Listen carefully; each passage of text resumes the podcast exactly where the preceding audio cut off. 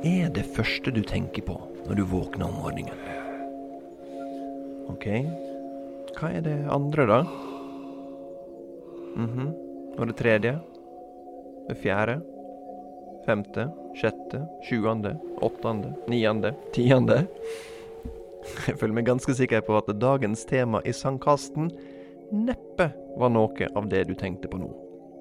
Derimot er det overhengende fare for at dagens tema er på topp ti-lista over ting du dropper å tenke på, og dropper å gjøre når hverdagsstresset tårner seg opp og du har for mange arbeidsoppgaver. Dagens tema er nemlig arkivering. Kanskje det minst sexy temaet å prate om er arkivering. ikke sant? Hvem liksom, tar vare på ting er kjedelig. Mulig arkivering er usexy, som Daniel Kohn i Simplify sier, men Men det er jo fryktelig viktig for å kunne ettergå beslutninger og saksgang og prosesser. For en individuell innbygger eller for store statlige beslutninger. Så, så er dette helt avgjørende.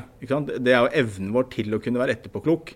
Handler om at du har informasjon tilgjengelig til å kunne være etterpåklok. Og det er noen som sier at hvis ikke du er etterpåklok, da er du i hvert fall ikke smart. Det må du i hvert fall klare å være.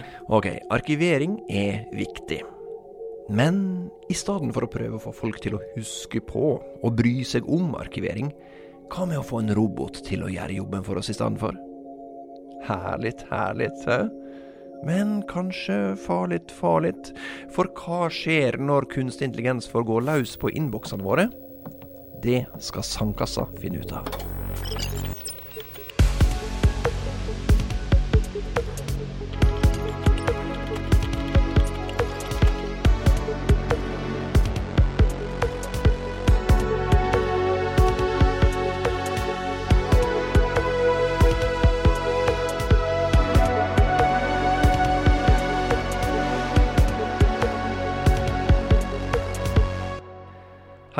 heter Arild Lopheim og jobber i Datatilsynets regulatoriske sandkasse for ansvarlig kunstig intelligens. Og poenget med denne sandkassa er at Datatilsynet skal være litt mindre politi som kommer med pekefingre og klekkelige gebyr, og litt mer kreative og konstruktive, som sammen med gründere og organisasjoner jobber mot et felles mål om KI-teknologi i tråd med godt personvern. Nå er vi godt i gang med tre nye prosjekt i Sandkassa. Og hva de går ut på, det hører du her i Sandkasten.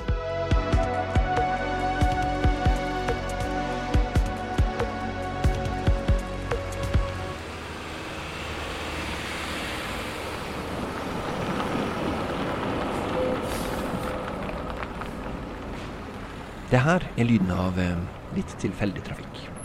Og det kan jo virke litt tilfeldig, men eh, det er et av de enkleste triksa i podkastboka å bruke lyd som det her, for å gi deg følelsen av å være til stades der jeg går av bussen på Skøyen, finner en bygning som står nesten ute i rundkjøringa, og ringer på. Det er Simplify. Hallo, hallo. Det er Arild Lopheim her. Det er sjette etasje. Sjette, flott.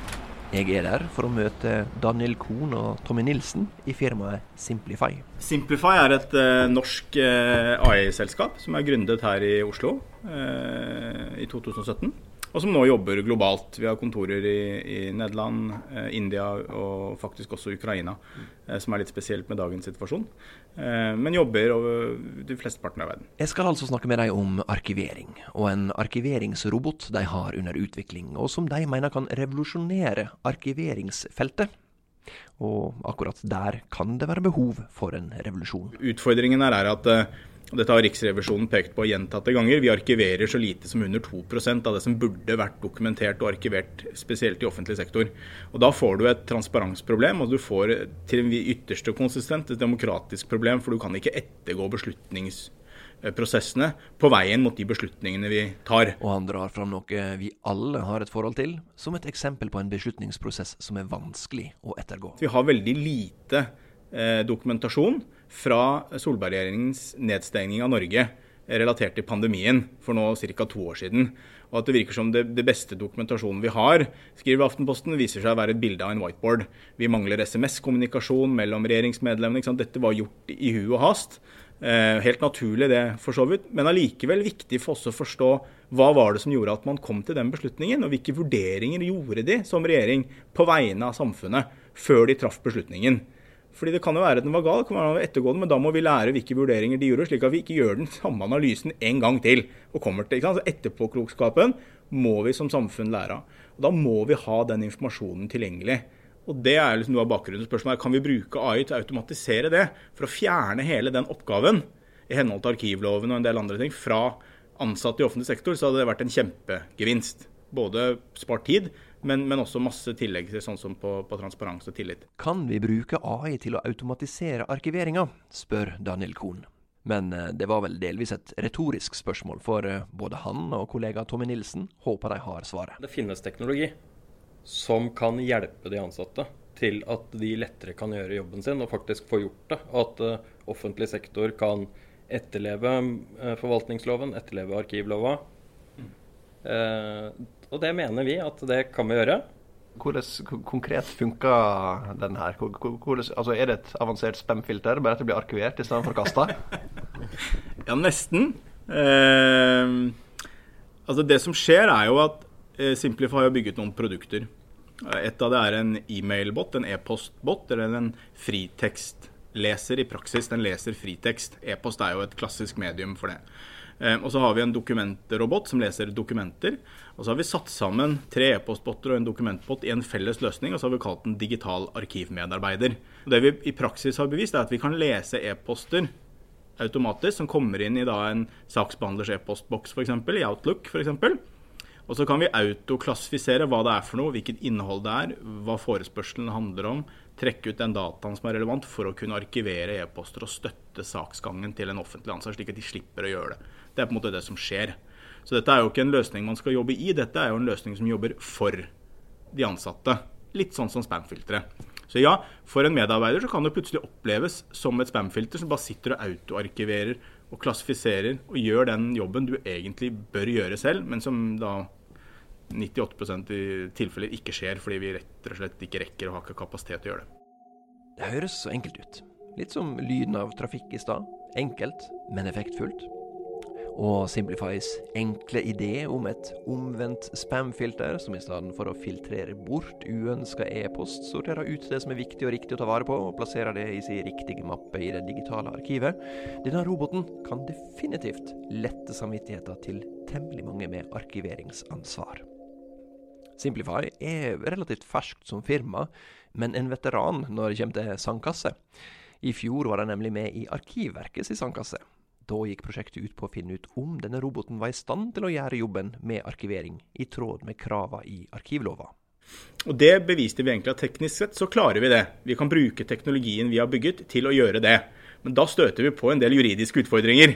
Både med arbeidsmiljølov og GDPR og personvern. Det er mange forskjellige typer konstellasjoner. Og det er det vi ser på i prosjektet med Datatilsynet, for å hjelpe oss eh, og veilede oss i det. Eh, og Målet er jo å se om vi klarer med Datatilsynet å lage en veileder for f.eks. enheter i offentlig sektor på hvordan de skal klare å anskaffe og ta i bruk sånne løsninger som det vi bygger, eh, på en god måte.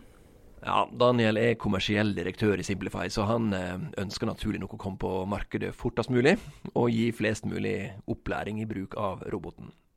Men vi er ikke der helt ennå, for sjøl enkle ideer kan støte på kompliserte problemstillinger. Og i dette tilfellet så koker det ned til om Simplifys digitale arkivmedarbeider, denne roboten her, egentlig kan få, ja, skal vi si, arbeidstillatelse. For selv om arkivlova krever at visse dokument og en viss korrespondanse blir arkivert, og selv om denne lova tydeligvis blir brutt ofte og av mange, så er det ikke gitt at denne roboten, som kan forhindre disse lovbruddene, i seg sjøl er lov å bruke. Eller kanskje den må justeres litt for å bli det. Og det er noe av det de ser på i Datatilsynets sandkasse for kunstig intelligens. Så er det disse her um, gjennom det sandkassa her, og diskutere hvordan kan vi legge til rette for at det blir gjort på en eh, lovlig måte. Og hvordan kan eh, Eller og hvor går brytningspunktene? Hvor langt kan vi gå? Eh, for det har vi vel på en måte i de, de, prosessene vi har hatt så langt, de møtene vi har hatt, så, så ser vi at kan, vi kan gjøre noe her men vi må finne ut hvor går på en måte grensene. Og de møtene han refererer til, har blitt ledet av Kaja Breivik Furuseth, og jeg er Datatilsynets prosjektleder i prosjektet om Simplify. Og til vanlig så jobber jeg som jurist i seksjonen for private tjenester. Vi har jo hørt Daniel og Tommy fortelle om roboten sin, men hva var grunnen til at Datatilsynet tok prosjektet opp i sandkassa? Vi så potensialet for var at det kan gi veldig gode resultat hvis eh, Simplify lykkes med sitt eh, hårete mål om å få til eh, mer arkivering i offentlig sektor på en enkel måte. Og det å journalføre og arkivere dokument, det tar tid. Jeg merker det sjøl i jobben som saksbehandler. At i konkurranse med andre oppgaver og frister, så kan det være at eh, ikke alle de relevante dokumentene havner på, på, riktig sak til rett tid. Så hvis eh, kunstig intelligens kunne hjelpe oss saksbehandlere, da, så tror jeg at vi hadde fått med flere dokument på saken. Og hva skal vi med det, lurer du kanskje på nå? Jo, det er viktig for dem som er involvert i en sak, da. For da kan de få tak i underlagsdokumenter og vite hvorfor resultatet ble sånn som det var, og finne ut hva de kan angripe hvis de vil ta saken videre, klage eller eh, gå til domstolen. Og så er det jo viktig for demokratiet. Vi har jo sett noen uh, debatter siste tida. Utenrikspolitikken og journalister spør hva, hvorfor valgte dere som dere gjorde i sikkerhetsspørsmål. Og, og det er ikke alltid da at uh, departementet kan finne eller vise fram dokumentasjon, fordi det rett og slett er mye arkivert. Hva for noen eh, personvernutfordringer ser du i dette prosjektet? Ja, det som er litt uh, utfordrende her, er nå særlig det at uh, det retter seg mot private e-postkasser. I e-postkassa til vanlige arbeidstakere så finner du litt om dugnad i fotballaget, kanskje litt om, om uh, at de skal ut en fredag sammen, og litt om saker. Og kanskje litt sånn sladring om hva var det egentlig som skjedde på det møtet vi var på nettopp. Så utfordringa er jo det at Arbeidstakere opplever e-postkassen sin som eh, privat, og den er også regulert eh, strengere enn mye annet poster. Vi har egen regelverk som ligger under arbeidsmiljøloven. En forskrift som heter Forskrift om arbeidsgivers innsyn i e-postkasse og annet elektronisk lagret materiale. Og Der er det en bestemmelse som inneholder et forbud mot å overvåke arbeidstakers bruk av elektronisk utstyr. Og det, der har Personvernnemnda og vi i Datatilsynet tidligere sagt at uh, automatisk videresending av e-post det regnes som overvåking og vil uh, som hovedregel alltid være forbudt. Så hvis vi kommer i den kategorien, så blir det i hvert fall vanskelig med at uh, verktøyet kan sende journalverdig e-post direkte ut på nettet, da. Mm. Så selv om eh, bedrifter og ja, virksomheter eh, gjerne ønsker at ansatte kun skal bruke jobb-e-posten til e jobbrelaterte ting, så er den likevel å anse som en litt sånn mer privat sak enn eh, det meste man har i jobbsammenheng? Er det ja, det er, det er nok det som er bakgrunnen, at eh, mange vil ende opp med å bruke den til forskjellige formål. da. Selv om eh, virksomheten har, som du sier, mange har retningslinjer på at den bare skal brukes til eh, jobbformål og ikke private formål. Eh, ja, altså, det er jo utfordringen nå at e-postboksen har både private og jobbrelaterte i en stor smørje. Mm. En stor lapskaus. Hvordan skal en klare å sortere poteter fra pølse, holdt jeg på å si. Ja, sortere ut det som er arkivverdig, og unngå å blande seg opp i det som er privat? Ja, der har jo Simplify kommet med forslag og presentert eh, tre botter, som de kaller det, som basert på kunstig intelligens læres etter hva som er privat informasjon, og hva som er journalpliktig og arkivverdig. Eh, så det, det, vil vi nok gå enda mer i detalj på når vi kommer til den workshopen som gjelder om tjenesten er lovlig i bruk. Da. Yes. Eh, agendaen i dag er at vi skal fokusere på det som vi sammen har bestemt at det kalles leveranse 1-2. Eh, så vi skal eh, orientere litt om hvordan eh, vi har vurdert at den løsningen vi har bygget, DAM, kan oppfylle kravene til innebygd personvern i bruksfasen. Så det skal eh, Imran få lov til å eh, gå gjennom. Utforskinga av prosjektet i Sandkassa er i gang, og her er det Simplifies Oda Aase Johnsen som har ordet i et tidlig arbeidsmøte, der de presenterer løsninga si. Vi har sett på som de juridiske problemstillingene, så det skal Daniel få lov til å gå gjennom. Ehm, og så tar vi gjerne spørsmål underveis, da. Det er viktig å, å poengtere. Eh, Og Datatilsynets jurister og teknologer er ikke tunge å be når det blir åpna opp for å spørre og grave. Eh, Vi har jo hatt andre prosjekter hos oss eh, hvor det har vært litt andre tilnærminger til hvordan du fanger opp f.eks. kjønnsmessig diskriminering eller den type ting. Altså at du har litt mer strukturerte måter å fange opp den type skjevheter. Så det er det vi fiska litt etter. Det andre har gjort noen tanker rundt eh, hvordan du, hvilke modeller dere kan bruke eventuelt for å etterføre de modellene som lages. ikke sant? Og det er igjen, ikke drille ned, bare skjønne om dere har tenkt gjennom det. Ja, For det er forskjellen mellom 10 000 mennesker som foretar alt fra kjempegode til kjempedårlige beslutninger, er at hvis det sitter en uheldigvis kjempedårlig person som lærer opp, så får du 10 000 dårlige beslutninger hver dag. Ja. Ja, da, og det, det, er, det er et kjempespørsmål. Jeg tror ingen skal få lov til å svare det tekniske. Jeg vil gi en sånn generell kommentar. Noe av diskusjonen med Arkivverket som kanskje var det mest frustrerende for oss, det var at vi selv ikke var enige om hva som var arkivverdig eller sant? Og som vi sa, men hvis dere som, som guidende instans ikke er enige, og som i alle dager forventer at folk i Lillestrøm kommune og Sandnes kommune skal gjøre ting likt i henhold til lovverket. Ikke sant? Og som vi sa, da er det greit, vi tilbyr dere en teknologi, men vi må jo trene den basert på hvordan dere trener deres egne folk. Ja, der er vi i ei klassisk problemstilling for kunstig intelligens. Skal en KI-robot kunne opptre noenlunde intelligent, så er den jo avhengig av at arbeidsinstruksen er passe entydig. Altså når, når du kommer inn på hva som skal arkiveres, så er jo det egentlig ikke en problemstilling vi håndterer. Um, og det er litt viktig å, å skille på, fordi vi leverer en digital medarbeider.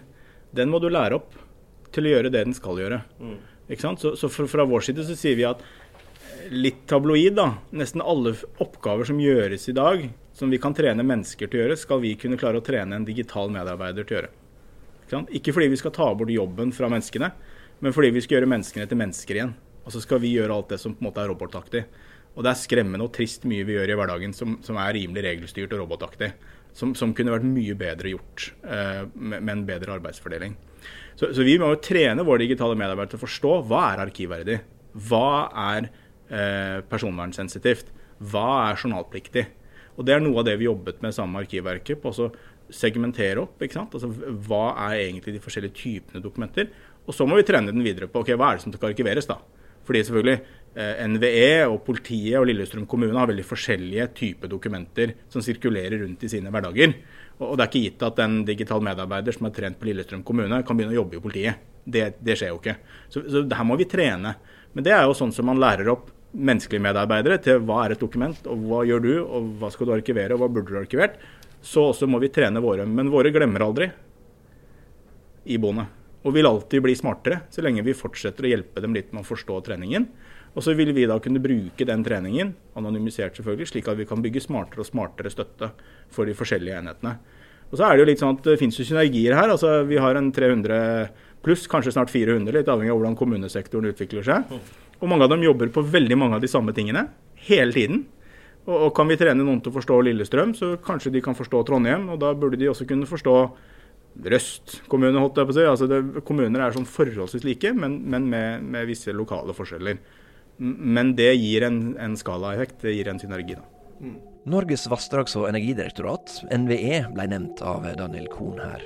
Og det var ikke tilfeldig, for eh, NVE vurderer kjøp av Simplifies arkiveringsrobot. Og de deltar i sandkasseprosjektet for å gi kunnskap om kjøperperspektivet.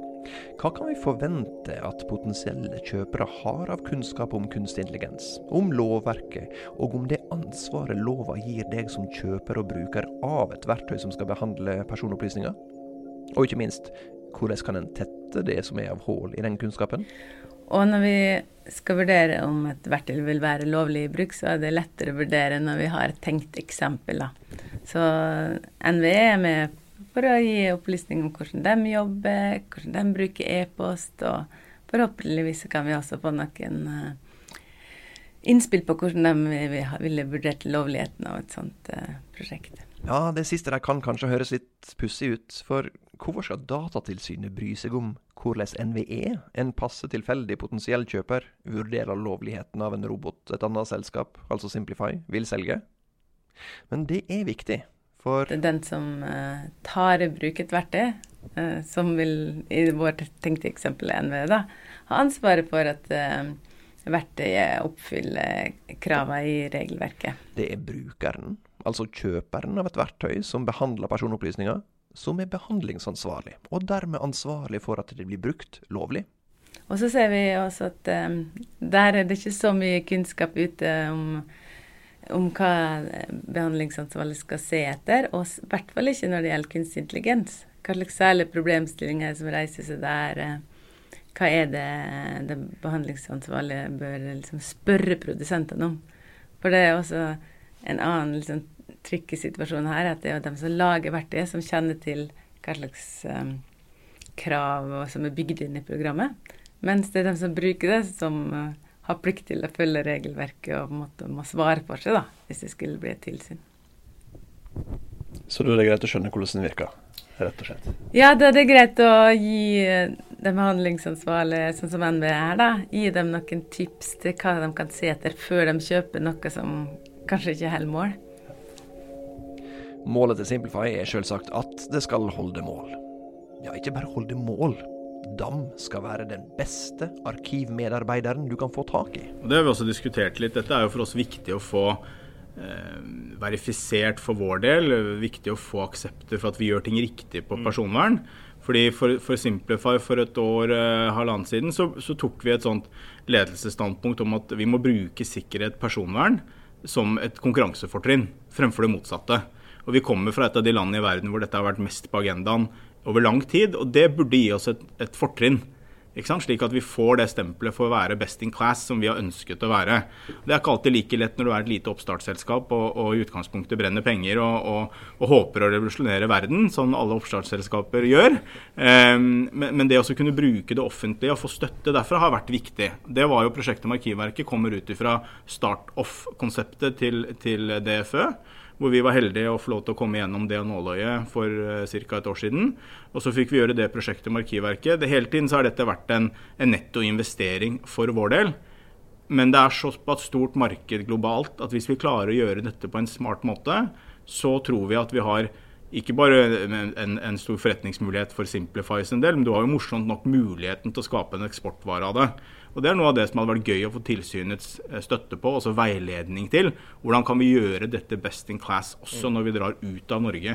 Um, så Det er liksom norsk mindset og forsiktighet og sånn som, som, egentlig kan være med å forme oss på når vi bygger de løsningene. Og så vet vi at når vi da drar til utlandet, så er vi ganske trygge på at uh, kommer sikkerhetsutfordringene dine, så skal vi fikse det. For det får vi til. Og Den utfordringen har vi jo nå gjort gang på gang med kunder i Norge. altså Eika Forsikring brukte lang tid på å gå gjennom hva vi gjør, før de skjønte at dette er greit. Eh, vi har hatt andre kunder også i utlandet som har gjort store revisjoner av oss før de innser at ok, greit, dette tester vi. Så det å kunne gjøre dette i forkant, så ikke hver eneste norske kommune og statlig enhet er nødt til å gjøre den analysen, det er på en måte noe av oppsiden her også for samfunnet. Men, men selvfølgelig også for oss som et lite selskap, eh, for all del. Men, men, hadde man gjort én veileder eller én eller annen analyse, ok, det, sånn kan man gjøre det, så får du en win-win. Så så vidt jeg skjønner det, så har dere teknologien og tjenester klar til å revolusjonere arkivering i, i norsk offentlig sektor, men utfordringa er å øke kompetansen til kjøperne, sånn at de kan bruke den på en, eh, på, på en god måte? Eh, ja, det vil jeg vel si. Jeg mener at prosjektet med Arkivverket beviste at dette får vi til. Um, og sånn sett så er teknologien der, og det er jo ofte sånn det er, da, at teknologien beveger seg fortere enn både vår modenhet og lovverket. Så det er jo noe av det vi diskuterer nå med Datatilsynet. Og det er ikke gitt at det, det, det kommer ikke til å ende opp i at vi løser opp masse lover og så er alt ut og kjør. For det er ikke nødvendigvis samfunnet klart for heller. Det er jo tilsynets oppgave å passe på at på måte, vi, vi, gjør dette her på en, en, smart måte. Og der ligger jo Norge i forkant i å være eh, trendsettere på personvern. Eh, og det er jo sånn sett gull for oss, fordi da ligger vi hele tiden også foran. For vi snakker jo med kunder over hele verden rundt dette her. Vi har jo interesse fra andre offentlige sektorer rundt omkring i de markedene vi er i. Så vi mener at teknologien er der. Vi kunne startet med det. Vi har kunder i dag som ønsker å gjøre anskaffelse av disse løsningene, og som mener at dette er trygt nok for dem. og Noen av dem er jo til dels med i prosjektet som har vist interesse. Um, så vi har både private og offentlige som er interessert, og som ser at dette hadde gitt dem en enorm gevinst.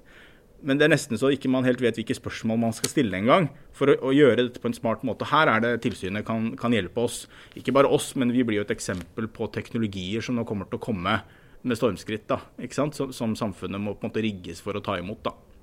Så det holder på å være litt i forkant, for du kan jo som tilsyn løpe rundt og så banke alle i hodet i etterkant. Og utstede bøter og på en måte hjelpe folk. Og så, og så på en måte jeg håper å si, Ikke barneoppdragelse, men det er litt sånn, du, du må på en måte påpeke feil da, og så korrigere atferd deretter.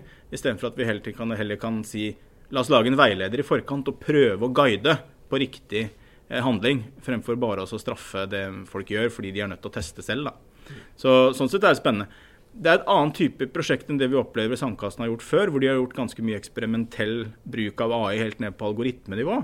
Så her har vi på en måte sagt at der finnes det en teknologi som vi har utviklet. Um, og den ønsker man å ta i bruk, og da blir det en, en god oppgave for tilsynet å hjelpe til å guide samfunnet. Hva kan du gjøre med dette? Hva er innafor, hva er utenfor? Hva er kanskje innenfor også, har vi diskutert med mm. tilsynet. Hva er det som er innenfor, men som vi kanskje ikke har modne for? Mm. Og, og det er et element fryktelig viktig element. At selv om kanskje man kunne gjort det nå, så er vi ikke modne for det. Men vi har jo mange sånne teknologier som vi bruker i hverdagen. Og et av dem har jo vært PayPal, spamfilter. Det er jo ingen som vet hvordan det virker. Jeg vet ikke hvordan mitt virker. Jeg antar veldig få kan forklare hvordan spamfilteret sitt virker egentlig. Men vi er ganske vant til at det er der. Og hvis noen tar det bort, så blir det bråk. Ikke sant? Så, så du har på en måte akseptert at spamfilter, det er jeg komfortabel med i hverdagen det gjør ting for meg som jeg egentlig ikke skjønner, men jeg liker det det gjør, og jeg er trygg nok på det. Men om jeg egentlig ville vært det hvis jeg skjønte det, det er jeg ikke sikker på. Så AI er også viktig å på en måte demystifisere da, og, og avsi at dette er ikke så farlig, og at det finnes prosesser som støtter at dette kommer til å bli, bli bra, selv om man implementerer det. Ja, Da blir det spennende å se om Simplifies omvendte spamfilter har blitt en naturlig del av vår digitale hverdag om noen år og om det har bidratt til å styrke demokratiet. I neste episode blir det hvitvasking og terrorfinansiering.